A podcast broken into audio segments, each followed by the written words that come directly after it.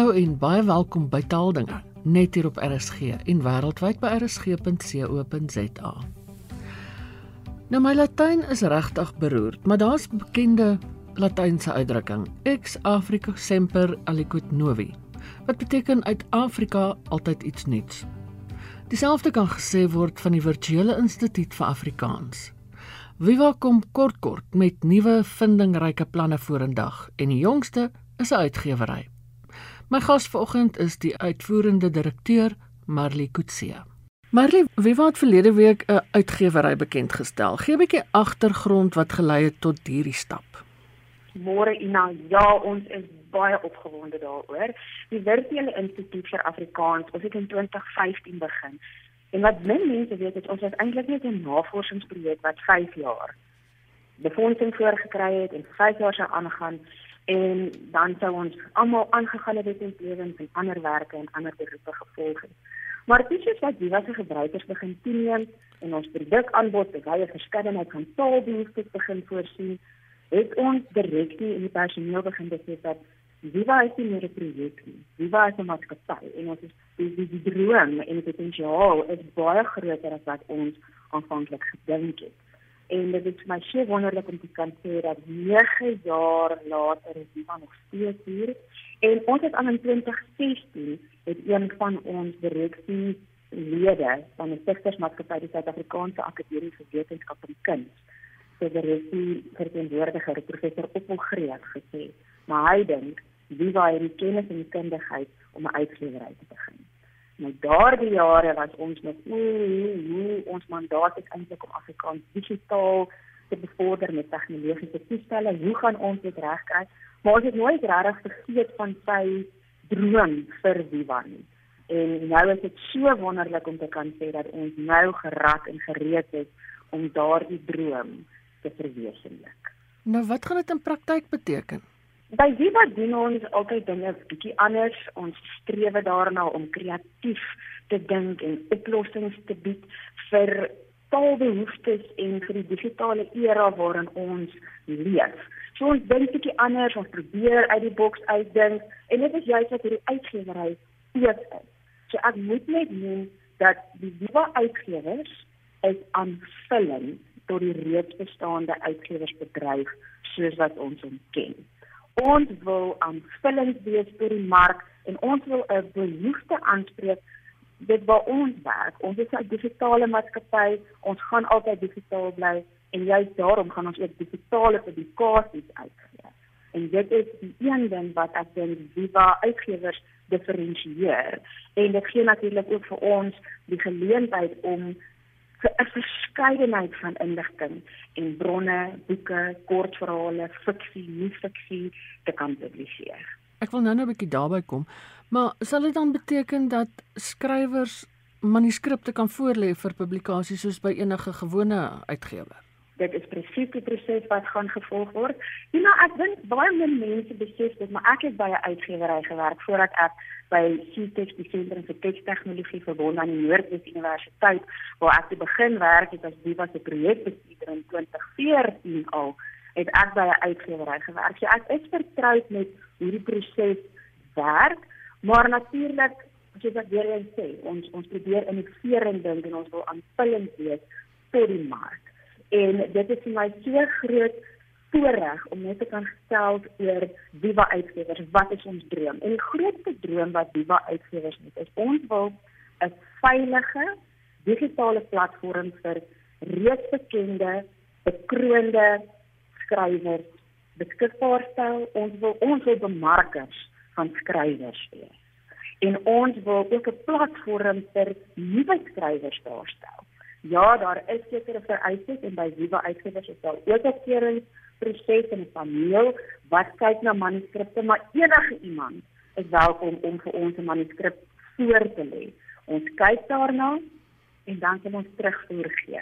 Ons help nie net manuskripontwikkeling nie, maar ons sien natuurlik baie mense in die bedryf wat uiters bevoeg en bekwame is om dit ook vir jou te kan doen en ons kan jou na daardie persone verwys. So ja, die mense kan ons manuskripte instuur en ons is juist net hier om bietjie te skaaf en te skuur en te sit aan die nuwe groot Afrikaanse naam in die boekewêreld. Jy het nou nou bietjie daaraan geraak. Gaan julle op spesifieke genres fo fokus en gaan julle fiksie en nie fiksie publiseer? Met ander woorde, sê nou maar ek skryf 'n boek oor bome, gaan dit ook gepubliseer kan word. As dit taalkundig van gehalte is, dit is interessant, dit is in Afrikaans, dit handel oor Afrikaans, absoluut. Daardie manuskripte soek ons. So ons wil 'n wye verskeidenheid van inligting en stories bekendstel. Ons wil nie fiksie en fiksieverhale skryf. Ons wil spesifiek begin fokus op kortverhale. En eventueel wanneer ons nou mooi geraf en geolie is met die uitgewerk, sal ons groter boeke en langer manuskripte ook oorweeg. Ons gaan akademiese boeke ook uitgee. So ek wil amper die kort en die lank van wat ek sê is ons wil enige ding digitaal kan uitgee wat meriete het. Marley, jy het gesê jy is aanvullend tot ander uitgewerrye. Wat maak julle anders as ander? Ek dink dit is omdat ons spesifiek digitaal uitgee. Ons het agtergekom, ons het baie lank geluister na die kwallinge van skrywers. Dit manuskripte wat uitlek die onwettige verspreiding van manuskripte, boeke, tydskrifte. Ons hoor wat lesers ook sê, ek weet nie of hou ek van hierdie skrywers se se skryfstyl nie. Hoekom moet ek nou ek soveel uit betaal vir 'n boek, maar dan hou ek nie noodwendig van die boek nie. So ons wil amper daardie tussenganger wees en ek dink dit is wat ons aanvullend vir die mark kan bring of kan digitaal publiseer, ons kan korter verhale publiseer en op daardie manier kan ons boeke ook goedkoper beskikbaar stel vir die lesers en dan kan die leser ook 'n gevoel kry van ek hou van hierdie spesifieke skrywer se skryfstyl of die genre waarin hierdie skrywer skryf of ek hou van hierdie tipe stories. En dan kan dit 'n positiewe rimpeleffek begin veroorsaak en ons wil soos ek sê glad nie enige skrywer van hulle groot uitgewers afrokkel nie. Ons wil vir skrywers die geleentheid bied. As hulle 'n kort verhaal vinnig wil skryf, is hier 'n platform wat sal belangstel om dit digitaal in te gee. Hoe gaan julle keer dat onwettige kopieë versprei word? Ja, dit is 'n uitdaging om te verseker in die digitale era en tegnologie en platform dat die inhoud veilig gehou word. En dit is hoekom baie met hierdie onwettige verspreiding vind plaas in PDF-formaat wat 'n gebruiker kan aflaai, verder uitstuur, skermskote van neem. Ons het 'n platform spesifiek ontwikkel waar dit nie 'n PDF is wat afgelaai kan word of versprei word nie. Ons gebruik ook nie die bekende term e-boeke. Ons maak ook nie e-boeke beskikbaar nie en alles word gehuisves op ons webwerf om seker te maak dat ons kan presies sien wie die gebruiker wat inteken, registreer, waarheen navigeer hulle hoe gebruik hulle die inligting waartoe hulle toegang het en dan het ons ook die sagte ware in die platform so geskep dat die teks nie gekopieer en geplak kan word nie. Natuurlik is daar altyd vindingryke maniere om toegang te kry tot die data. Wie kan nou wel nie verseker dat as iemand 'n skermskoot, 'n kamera, hulle kamera op hulle selfoon vat en 'n skermskoot neem van hulle rekenaar dat dit ehm um, nie versprei kan word op daardie manier maar dit is baie moeite. Dit kan ook maar eerder net die skrywers die tantieme wat hulle toekom en lees te doen. Ja, absoluut. Ek wil net gou by jou seker maak. As ek nou nog nooit iets gepubliseer het nie, maar ek glo ek kan skryf en ek wil nou 'n kort verhaal skryf. Is die plan dat jy so 'n enkele kort verhaal publiseer? Ons wil graag 'n uh, kortverhaal bundel per skrywer uitgee. So die minimum kortverhale wat ons vat is so tussen 2.500 woorde tot 6000 woorde per storie en dan wil ons dit as 'n kortverhaal bundel beskikbaar stel met 5 stories of meer waar ons dan die naam van die skrywer as die bemarking element gebruik om daardie spesifieke skrywer se stories te maak. En dan gaan julle as ek nou reg verstaan, elke moedertaaldag 'n geskenk gee. Ja, so ons het hierdie jaar op 21 Februarie wat baie spesiale dag is, internasionale moedertaaldag, aangekondig dat Viva Uitgewers 12 April sy digitale deure gaan open en ons het gesê maar dan wil ons ook weer terugploeg in die gemeenskap want dit is vir ons belangrik om 'n goeie leeskultuur ook dit te koester en en 'n platform te gee vir lesers waar hulle kan stories gaan lees wat hulle inspireer maar vir skrywers ook by lesers uitbring wat hou van hulle stories. En daarom het ons gesê ons sal elke jaar van nou af op die 21ste Februarie 'n geskenkboek op Viva Uitgewers gratis beskikbaar stel van een bekende skrywer wat daardie jaar dan vir die lesers vir hulle genot en plesier gratis beskikbaar is. Sjoe, ek dink dit al klaar is 'n rede om in te skryf of ehm um, fooie te betaal of wat ook al wat mens sou kon doen by 'n uitgewer. so hoe dit gaan werk is dat ons ons gebruikers gaan vra om aan te teken en te registreer by Viva en dan sal daar by Viva uitgewers per bundel of per kortverhaal boek of genre of akademiese boek of wat ook wat wat aangekoop wil word wat wat die gebruiker wil aankoop sal ons dan per item 'n bedrag daaraan koppel. Want jy moet net verstaan, die rede hoekom ons hierdie begin is om 'n addisionele inkomste stroom vir Viva te skep. Ons is 'n maatskappy sonder winsoogmerk, maar ons wil daarom bietjie tantieme en geld in skrywers se sakke ook vir hulle sit. Julle weet hulle doen soveel ongelooflike werk die skrywers en ek dink hulle hulle het al die eer en lof wat hulle toekom het hulle nodig en Viva wil daarmee help. Soos ek sê, ons wil 'n bemarker van skrywers doen. Ja. Marley net gou iets anders ook. Jy het so tyd terug in ons reisprogram vertel van die taaltoere. Nou, gee ons net gou 'n bietjie kortliks weer inligting daaroor. Hoekom en waarheen gaan julle? Ja, Viva is baie opgewonde daaroor ook. Ons beoog om 24 Junie tot 6 Julie vanjaar en 27 September tot 9 Oktober vanjaar 'n toer te onderneem na drie Europese lande: Frankryk, Nederland en België. Ons gaan Parys, Brugge, Brussel, Gent, Antwerpen, Amsterdam, Leiden, Volendam, Haarlem en Den Haag besoek. En die hoekom ons op hierdie toer gaan, baie mense vra, is dit 'n taaltoer. Ja, ons gaan gesels in Afrikaans, maar ons gaan die taaltoer in Engels ook aanbied. Ons gaan kyk na die verskille en die ooreenkomste tussen Afrikaans, Nederlands, Vlaams, Fries en ons gaan nie net fokus op taal nie. Ons gaan baie sterk fokus op tegnologie ook. Veral omdat ons 'n digitale maatskappy is, ons leef in 'n digitale era en weet ons moet mens digitaal die platforms en tegnologie baie goed verstaan om te weet hoe om dit suksesvol te implementeer in jou werk omgewing. So, ons gaan nie net fokus op taal nie, maar ons gaan kyk na werkgeleenthede in sagte ware ontwikkeling, sosiale media, inhoudskepping, digitale inhoudskepping, ingenieurswese, want ons maak van ingenieurs gebruik om ons platforms vir ons te implementeer, grafiese ontwerpers, webbladontwikkeling, daar is 'n legio opsies en werksberoepe en ek beskou hierdie toer eintlik as 'n loopbaanontwikkelingstoer omdat ons vir die kinders gaan wys van verskillende werke wat hulle kan kan doen in taal, in tegnologie. Ons gaan drie universiteite besoek.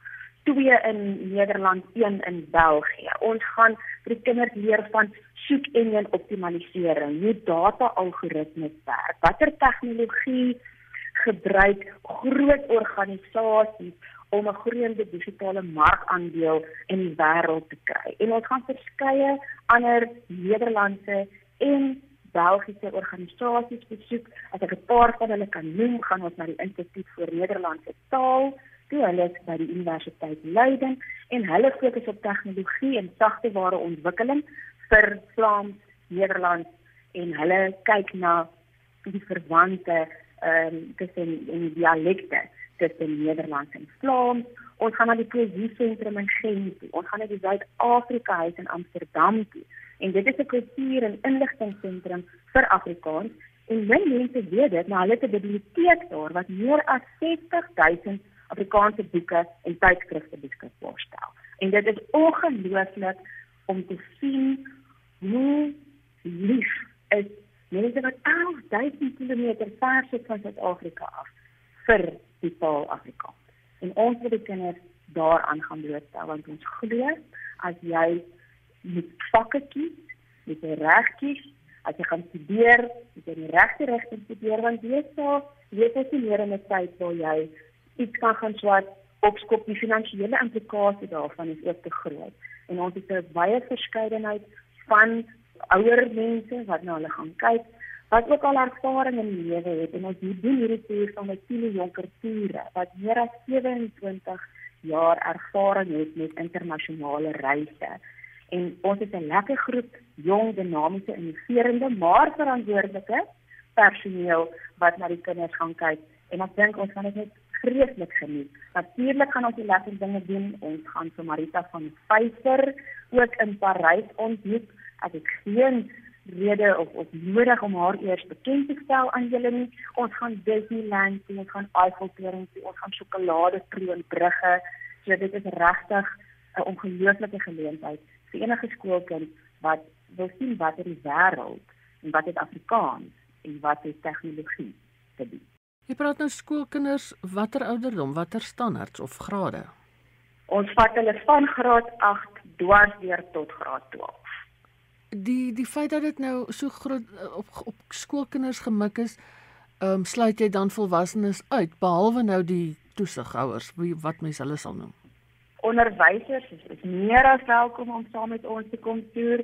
Ouers is natuurlik ook welkom om saam met ons te toer. Ons het nou op hierdie stadium ons twee ouers wat gesê het hulle kom definitief saam toer. So ons sien uit daarna en weer eens ook ons begin met hierdie toer en wanneer ons mooi geras en gereed en reg is en um, ons meer belangstelling het van volwassenes af dan ons ook vir hulle 'n unieke toer saamstel wat ons vir hulle kan gaan wys hoe is die ooreenkomste tussen die verskille en hoe het Afrikaans die taal ontwikkel wat ons vandag ken.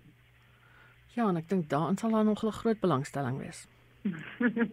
Gee ons net kans, ek moet net eers die uitgewery ek sê van tafel stuur.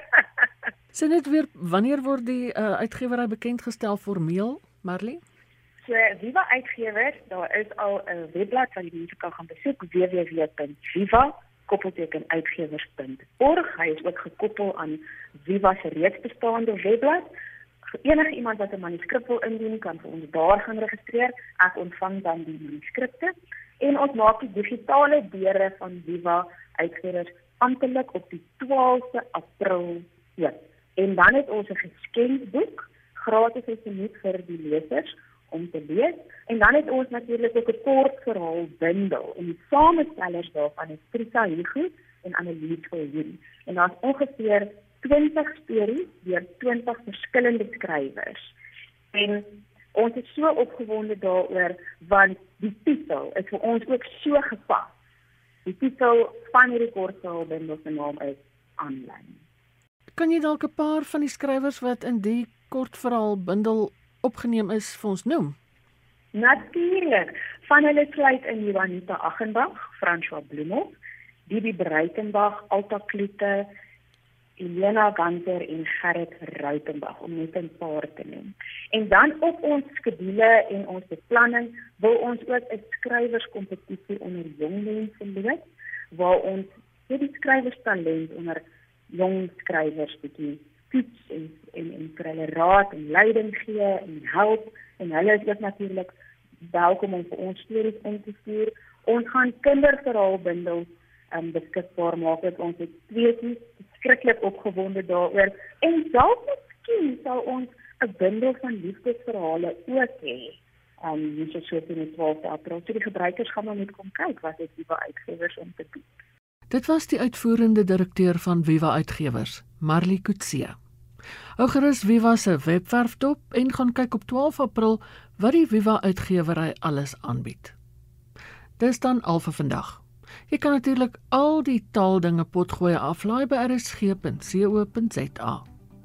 Geniet die res van die dag in RSG se geselskap. Bly veilig, bly gesond en van my Ina Strydom groete tot 'n volgende keer.